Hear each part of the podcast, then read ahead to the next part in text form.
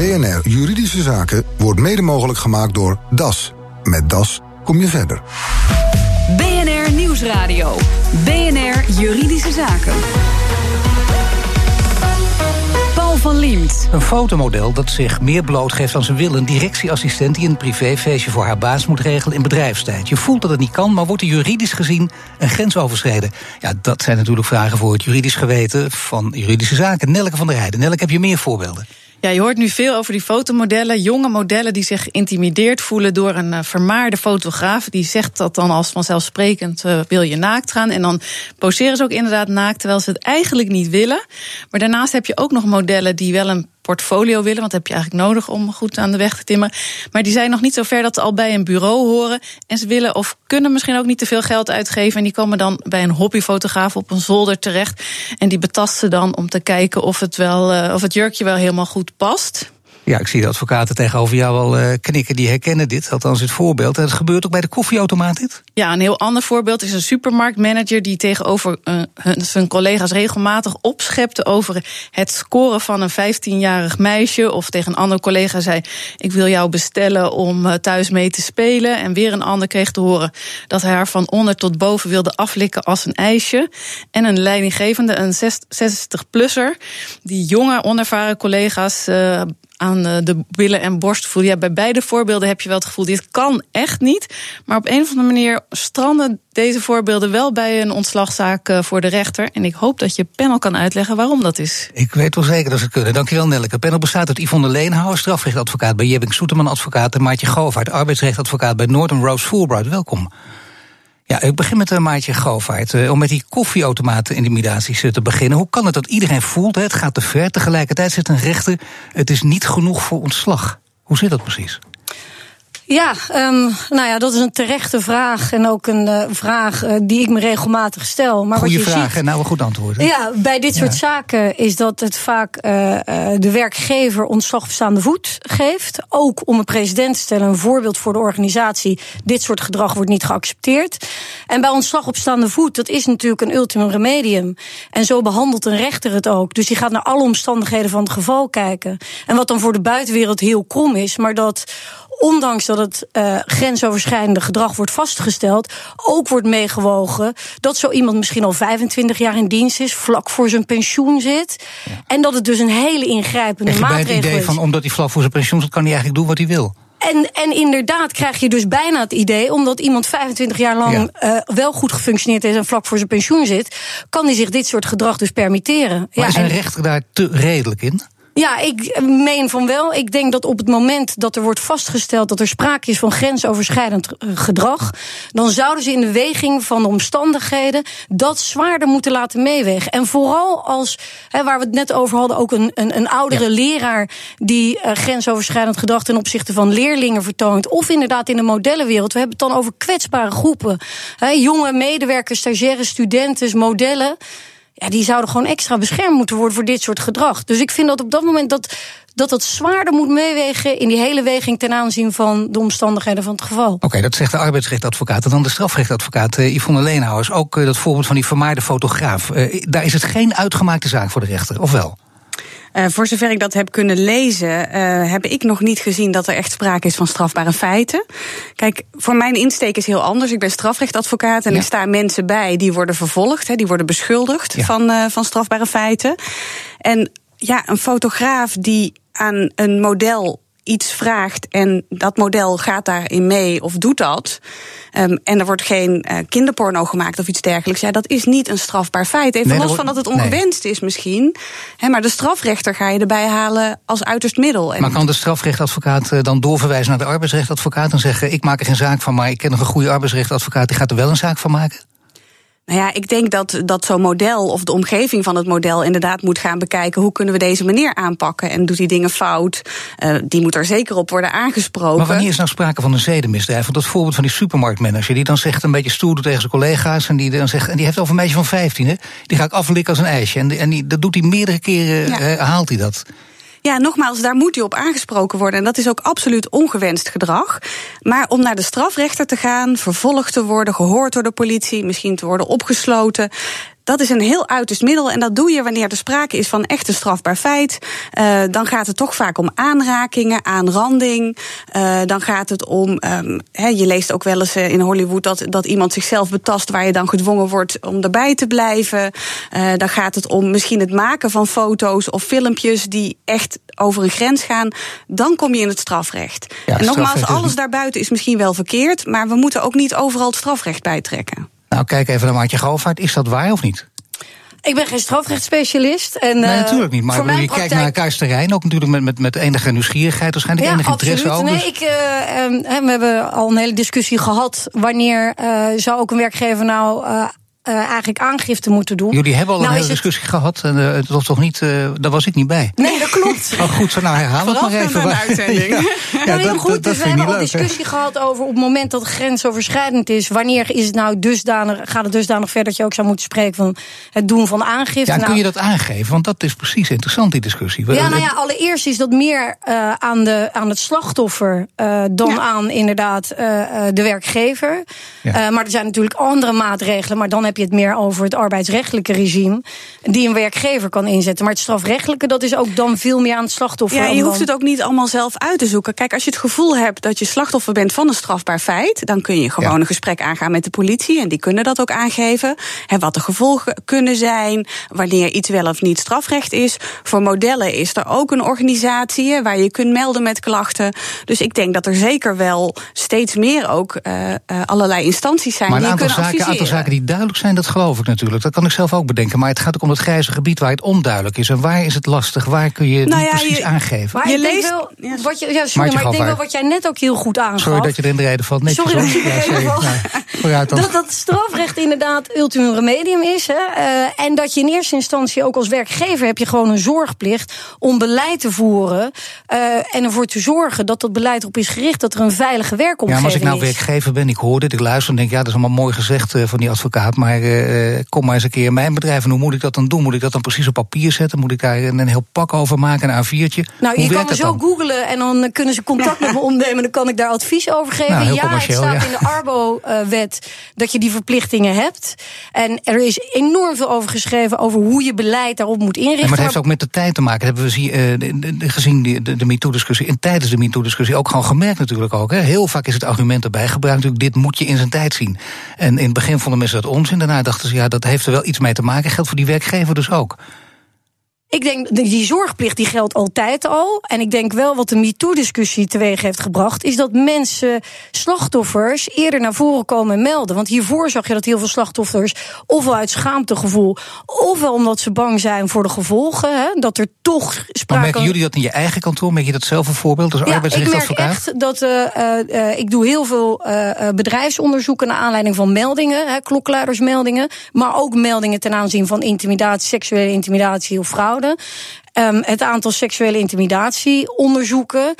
Uh, gaat, is nu veel meer. Hij heeft echt wel uh, een hele grote toeloop genomen ten aanzien van die MeToo-discussie. Dat scheelt. En bij de, hoe is het bij de strafrechtadvocaat? Hoe is het bij jullie? Ja, bij de strafrechtadvocaat ligt het wat complexer. Omdat um, He, het is van alle tijden dat mensen beschuldigd worden van, ja. van ongewenst gedrag. En als je he, wordt betast of verkracht, of als je het gevoel hebt er is iemand terwijl ik dronken was over mijn grens heen gegaan, ja, dan, dan vinden de mensen de weg naar de politie vaak wel. En in de MeToo-discussie zijn het ook heel vaak momenten dat mensen denken: ik vond dit onprettig, ook misschien na langere tijd. En die komen daarmee naar buiten. Maar die voelen zich wel slachtoffer, maar dat betekent niet per se dat er ook een strafrechtelijke dader. Maar bij jullie uh, dus geen extra toeloop sinds die MeToo-discussie?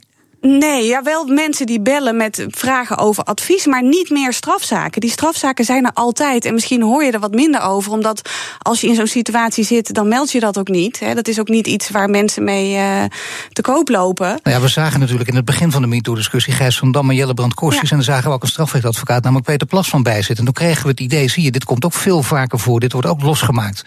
Maar u zegt nu nou, nou dat ja, bij ons op kantoor merken we niet dat er meer aanvragen zijn. Nee, misschien omgekeerd. Kijk, die aanvragen zijn van alle tijden. En, en dit voorbeeld is iemand die jaren later zegt: Ik heb een ongewenst seksueel contact gehad. Nou, dat zien we ook heel vaak.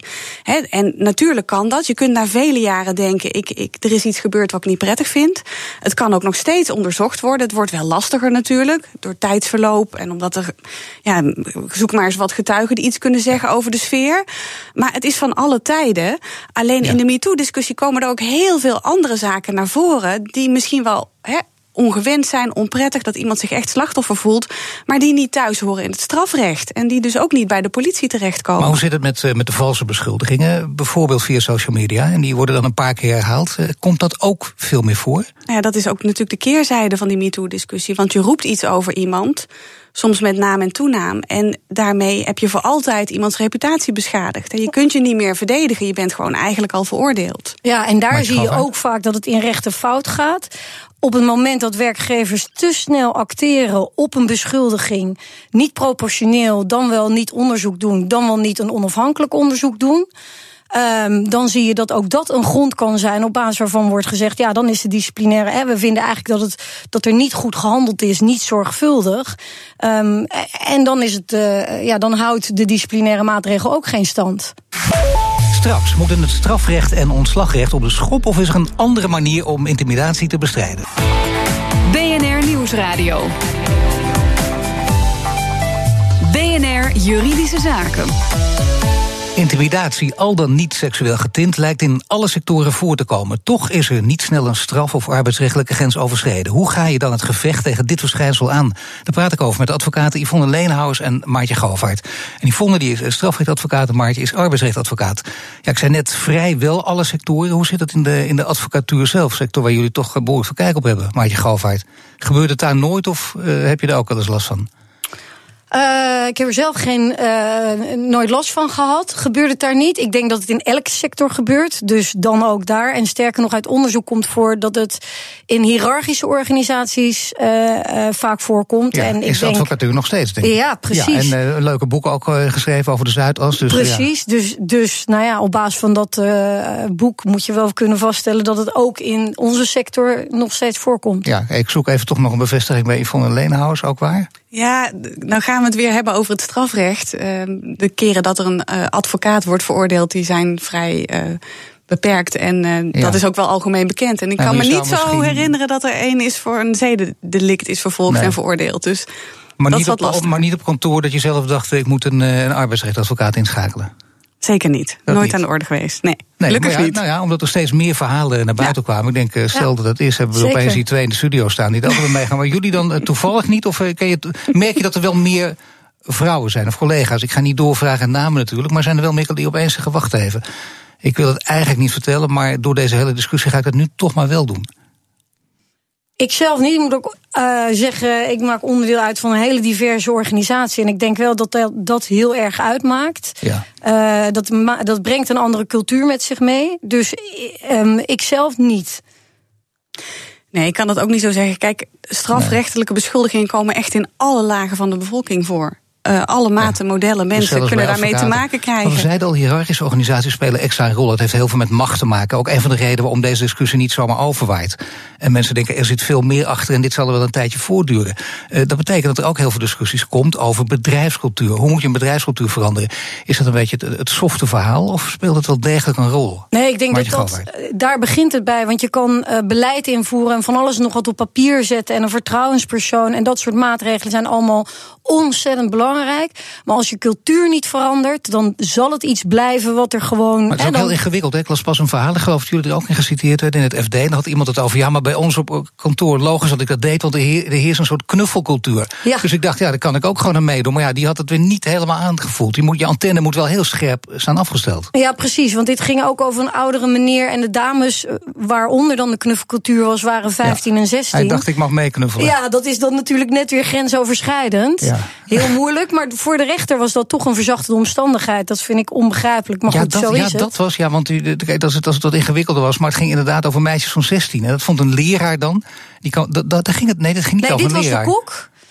Um, de leraar was ook met meisjes, uh, inderdaad ook weer een kwetsbare groep jonge meisjes, leerlingen. En hij. Uh, um, nou, het was niet vastkomen te staan of hij met de boeken op de billen had geslagen. Maar hij had wel opmerkingen gemaakt die grensoverschrijdend waren. Zoals uh, hij liet een blaadje vallen en mag ik even tussen je benen grabbelen. Ja. Um, nou ja, ja, dat is grensoverschrijdend gedrag. Dat is wel een iets andere situatie. Omdat ja. uh, in het strafrecht is een aparte artikel dat zegt dat je in ieder geval, um, als het gaat om je minderjarige ondergeschikte. Dat, daar zijn ook strengere regels voor. In de zin van seksueel contact. Dat is ook strafbaar, apart gesteld. Maar als mensen, als, als zeg maar de dame in kwestie ook meerderjarig is. Ja, dan zit je bij het strafrecht vaak met dat het voor degene die iets doet wat ongewenst is, wel kenbaar moet zijn. Voor het strafrechtelijk verwijtbaarheid moet, het, moet je iets doen tegen iemands zin in, over een grens wetende dat die grens bereikt is en toch je macht of geweld of dreiging inzetten om je zin door te drukken. Ja. En als er een cultuur is waarbij dit wordt toegestaan en iemand niet iets durft te zeggen, dan kun je ook heel moeilijk ten, eh, ten opzichte van zo'n verdachte zeggen van ja, maar jij had dat moeten weten. Nee, precies, maar dat wordt wel toch uh, door rechters vaak aangehaald. En wordt ook op de bedrijfscultuur gewezen. En uh, er moet een cultuur komen, in ieder geval in dit bedrijf, zegt zo'n rechter dan toch vaak, waarin men elkaar gaat toespreken. Hoe ja, kan dat dan? Hebben jullie dat ooit meegemaakt? Dat een cultuur die bestond er niet en opeens bestaat die er wel? Ja, zeker. En daar kan, ik een goed voorbeeld van geven. Bijvoorbeeld oh. veiligheid op bouwplaatsen. vroeger liep men echt niet zomaar altijd met helmen en verharde verschoenen. Nu is er geen bouwplaats die je oploopt zonder dat mensen je aanspreken en zeggen: hé, hey, je bent vergeten je helm aan te doen. Of je moet andere schoenen aan. En uh, bonusstructuren worden daar soms ook op, op afgesteld. Hè, dat men zich daar echt ook aan houdt. Daar vindt men het dus heel gewoon dat je elkaar daarop kan af aanspreken. Ja, maar laten we zeggen, de kleedkamercultuur uit, uh, uit, uit de voetbalwereld. Die neem je gewoon mee naar de werkvloer. En op die werkvloer waar jij dan werkt, kan dat gewoon. Dus dat blijkt als vrij normaal te zijn. En opeens word je daar door deze discussie op aangesproken. Kunnen diezelfde mensen dan veranderen? Ja, dat denk ik wel. Ik denk ook dat er al heel veel veranderd is. Als je kijkt op scholen met leerkrachten, het, het vier-ogen-beleid uh, ten aanzien van kinderdagverblijven en zo. Ik denk dat men zich al veel meer bewust van is, is dat, hè, dat, dat er toezicht moet zijn. Maar ook dat als je als persoon alleen in een situatie zit met een leerling die misschien boos is, een vrouwelijke leerling, dat je ook heel kwetsbaar bent. En dat je dus um, ja, in de gaten moet houden dat je zo'n gesprek bijvoorbeeld niet alleen nou, dat je dat aangaat. Deze, ja, dat je dat niet dus doet. Ik denk nooit, de deur dicht ook, deur Ja, er zijn daar al zeker uh, stappen gezet. En uh, ja, dat zal waarschijnlijk alleen maar meer Er zijn er ook stappen gezegd bij de rechters. Want daar hebben jullie natuurlijk ook vaak mee te maken. En het blijft gevoelig om daar de kritiek op te geven. Maar toch uh, maak je, merk je dat er onder rechters ook een iets andere cultuur ontstaat. Ja, dat wil zeggen, iets strenger. Ik heb. Nou ja, ik, ik hoop in ieder geval dat door heel, deze hele discussie. Uh, en ook de uitspraken van advocaten uh, in, in kranten die oproepen tot een zwaardere uh, maatstaf, hè, een zwaardere toetsing in dit soort zaken. dat er in de rechtspraak ook iets meer gaat veranderen. Dat ze ook zeggen: ja, dit is eigenlijk iets wat we niet meer kunnen tolereren. En waar we dus gewoon zwaarder op moeten toetsen. Ja, tenzij een rechter verwijst naar Frankrijk bijvoorbeeld, hè, waar die hele beweging natuurlijk ook opkwam. En waar vrouwen zelf zeiden van, uh, nou wacht eventjes, uh, kom op, de, de cultuur van galanterie en zo, die is ook heel prettig. Ja, nou, ik, ik ben het daar absoluut niet mee eens. En er zijn hier trouwens ook vrouwen hè, uh, die, die hebben gezegd van... ja, maar dit begon allemaal in de... Hè, dit moet je ook in de cultuur uh, van de Dolomina's... en toen was het allemaal heel ja. gewoon dus. Ja, nee. Ik, en, en bovendien moet je met je tijd meegaan. Ik vind dat je als werkgever en ook als uh, directie moet je gewoon het goede. Je hebt echt een voorbeeldfunctie. Maar ook als leraar of als oudere kok ten opzichte van je leerlingkoks of de, de, de jongeren die met jou meelopen, de stagiaires. Een voorbeeldfunctie brengt met zich mee dat je dus ook het goede voorbeeld moet geven. Nou, mooie duidelijke conclusie aan het slot van dit programma. Ik, ik dank jullie allebei. Yvonne Leenhouwers van uh, Jebbing Soeterman Advocaat en Maartje Govaert van Norton Rose BNR Nieuwsradio. BNR Juridische Zaken. Na een reorganisatie bleef Rob Tieleman hetzelfde werk doen voor de politie al 43 jaar nu. Maar de computer zegt dat hij een nieuwe functie kreeg. De gevolgen daarvan zitten hem dwars. Het verslag is van Nelke van der Heijden. Tieleman, u werkt bij de politie al een behoorlijke tijd. En nu is er een grote reorganisatie geweest. En dat heeft voor u het een en ander in de war geschopt? Ja, ik werk 43 jaar bij de politie. En uh, na de reorganisatie heb ik dezelfde functie gehouden.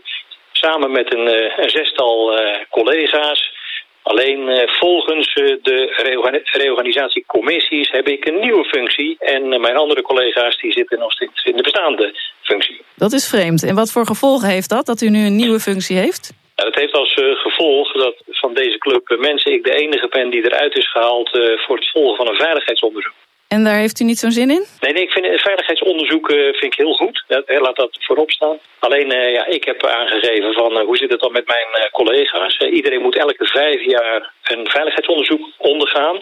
Wij alle zes hebben in 2011 een veiligheidsonderzoek gehad. Nou, er is wat achterstand, dat begrijp ik ook wel, dat het niet altijd lukt. Alleen ik ben er nu uitgehaald omdat ik kennelijk nieuw ben in de organisatie. Uh, maar ik ga dit jaar uh, ook met pensioen. En, en, in die combinatie zeg ik, nou, ik vind het eigenlijk een beetje raar dat ik dan een veiligheidsonderzoek nog moet ondergaan op de valreep voor mijn pensioen. En u heeft dat ook aangekaart? Ja, ik heb dat absoluut aangekaart. Maar ja, de computer says no. En uh, dus daar is dan geen, geen spel tussen te krijgen. Nee, dus het is uh, de vraag of u onder dit onderzoek uit kunt komen of dat u er toch aan moet geloven. Nou ja, ik ga ervan uit dat ik eraan moet geloven, dat je geen andere keuze hebt. En ik, ik kan het hier en daar wel wat rekken natuurlijk. Maar ik, dat zou wel, ik ben wel benieuwd naar, uh, naar een antwoord hierop. Met name omdat een veiligheidsonderzoek voor vijf jaar wordt afgegeven. En ik vind het een beetje raar als ik dus nu dat veiligheidsonderzoek zou krijgen... en het is goed, waar ik niet aan twijfel... dan is dat goed tot 2023 en dan ben ik al vier jaar met pensioen. Dus dat klinkt eigenlijk een beetje zinloos eh, in uw situatie. Ja, dat is absoluut zinloos.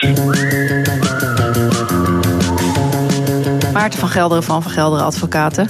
Moet Rob Tieleman nou aan dit veiligheidsonderzoek geloven? Ja, ik denk dat hij uh, uiteindelijk uh, daaraan zal moeten geloven. Want er zijn geen stappen die hij kan ondernemen om bezwaar te maken, bijvoorbeeld? Ja, dat had hij eigenlijk eerder moeten doen. Hij heeft te maken gehad met een reorganisatie. Daarin is zijn functie vervallen, als ik het goed begrepen heb. En is er een nieuwe functie voor in de plaats gekomen. Ja, hij zegt dat dat eigenlijk zijn bestaande werkzaamheden zijn. Dus dat het geen nieuwe functie is.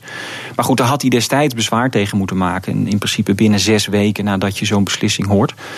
Ja, die termijn is inmiddels lang verstreken. Maar voor zijn collega's geldt wel dat ze in dezelfde functie zijn gebleven. En die doen ongeveer hetzelfde, zegt hij. Ja, en dat is een beetje de ongelukkige samenloop van omstandigheden. Uh, ik kan natuurlijk niet goed beoordelen wat die collega's voor werk doen. Maar daarvan is in ieder geval vastgesteld hè, dat die dus min of meer hetzelfde werk doen. Dus dat ze een functievolger zijn. Ja, dan heb je in principe niet te maken met zo'n veiligheidsonderzoek. En ja, hij heeft misschien daar een kans laten lopen om bezwaar te maken. En dat betekent dus dat daar vaststaat dat hij een nieuwe functie vervult. En zich dus aan zo'n veiligheidsonderzoek zal moeten onderwerpen. Maar dat veiligheidsonderzoek kijkt dan ook van nou, hoe veilig ben je de komende vijf jaar. Hij staat op het punt om met pensioen te gaan. Maakt dat nog wat uit? Ja, ik denk het uiteindelijk niet. Nogmaals, het is een ongelukkige samenloop van omstandigheden. Hij staat inderdaad kort voor zijn pensioen. Hij heeft natuurlijk een enorme carrière al achter de rug bij de politie. Dus ik geloof ook niet dat er ook maar enig persoonlijk wantrouwen naar hem is. Zo moet hij het ook absoluut niet opvatten. Maar dit is toch meer de, de, de systematiek. En ik vrees dat de werkgever daar niet al te makkelijk van zou willen afwijken. Dus toch maar door het veiligheidsonderzoek heen. En zoals Rob Tiedeman al vreesde, juridisch gezien kan hij weinig tegen het onderzoek beginnen. Dat zegt advocaat Maarten van Gelderen. Heeft u ook een juridische vraag? Mail hem naar juridischezaken.bnr.nl. En dit was de uitzending van vandaag. U kunt de show terugluisteren via bnr.nl slash juridische zaken. Mijn naam is Paul van Diemt. Tot de volgende zitting. BNR Juridische Zaken wordt mede mogelijk gemaakt door DAS. Met DAS kom je verder.